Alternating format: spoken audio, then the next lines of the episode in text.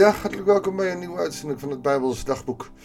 Gisteren lazen we in Psalm 55, de vers 1 tot en met 16.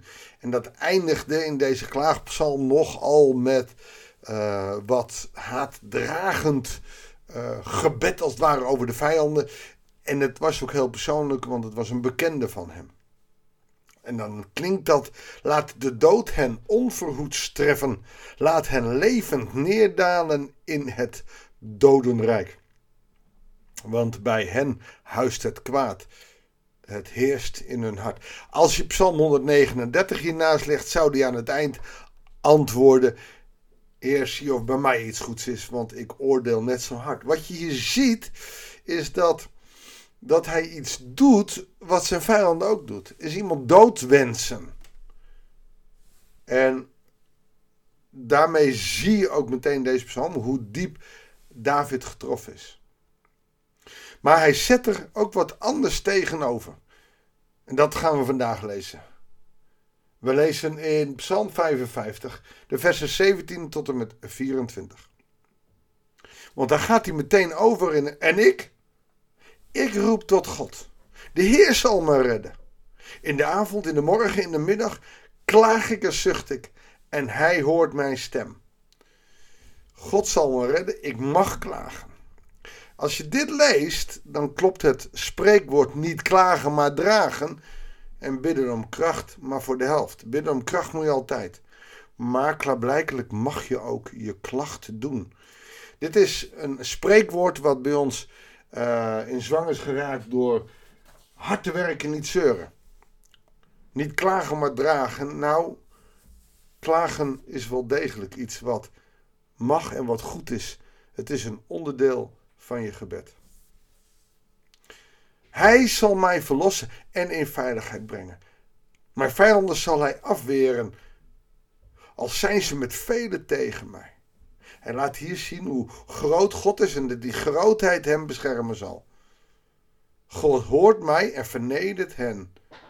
Hij troont van voor onze dagen. Oftewel, God is zo groot hij hoort mij. Wie ben ik dat u mijn eh, gedenkt? Psalm 8. Nou, hij is al van voor onze dagen, al van voor uh, de schepping.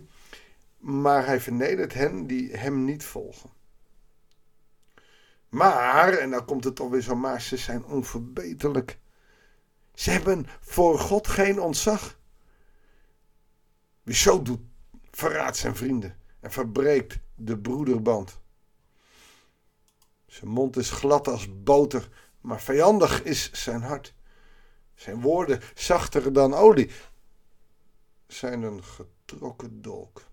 Dus die mond is glad en woorden zijn een getrokken dolk. Ze zijn scherp, ze zijn onder een mantel der liefde ongelooflijk. Hij voelt zich echt verraden.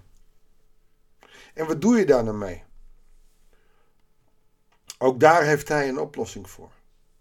Leg je last op de Heer en hij zal je steunen. Welke tekst doet je dat aan denken? Als Jezus zegt: Komt alle tot mij die vermoeid en belast zijn. Dat is David hier. En ik zal uh, je rust geven. Neem mijn juk op je, want mijn juk is zacht en mijn last is licht. Maar dat is een gezamenlijk juk. Hij helpt ons juk te dragen. En dat is wat hier staat. Leg je last op de Heer en hij zal je steunen. Nooit zal hij dulden dat een rechtvaardige ten val komt. Maar hen, God, doet u neerdalen in de kuil der ontbinding. De mannen van bloed en bedrog, zij zullen hun leven niet half voltooien.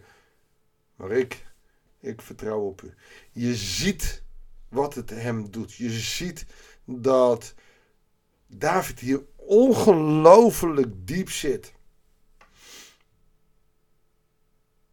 En dat is voor hem best wel heel erg lastig. Want je ziet dat hij hier eigenlijk net als zijn vijand is. En dat mag ook in deze psalmen, want het zijn liederen van emotie.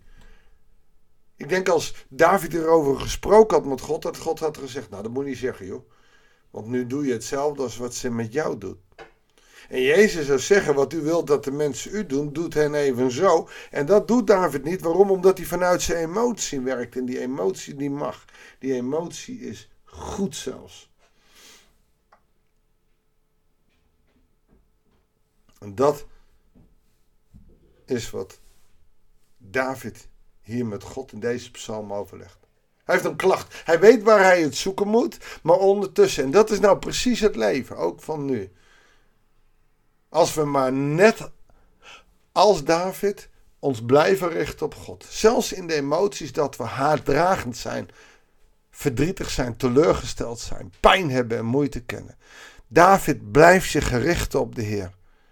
En dat is de enige survival die wij moeten doen. Zelfs in de moeilijke tijden ons blijven richten op de Heer. En hoe doe je dat dan? Ja, dat is voor iedereen anders. Je kan dat doen door liederen op te zetten.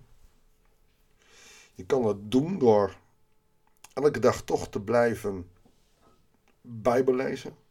En ik moet je zeggen dat dagelijks zo'n podcast maken mij enorm helpt.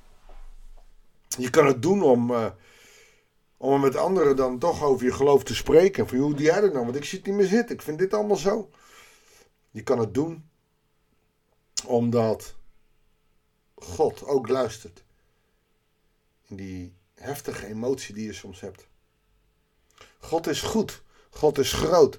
Zelfs accepteert hij jou in al je emoties. Laten we dan, misschien ieder voor zich, maar in één gebed verbonden. God loven en aanbidden. Ook al ben jij vandaag wat minder vrolijk of ben jij nou juist ongelooflijk enthousiast. Het maakt niet uit. We gaan God groot maken door bij hem aan te kloppen.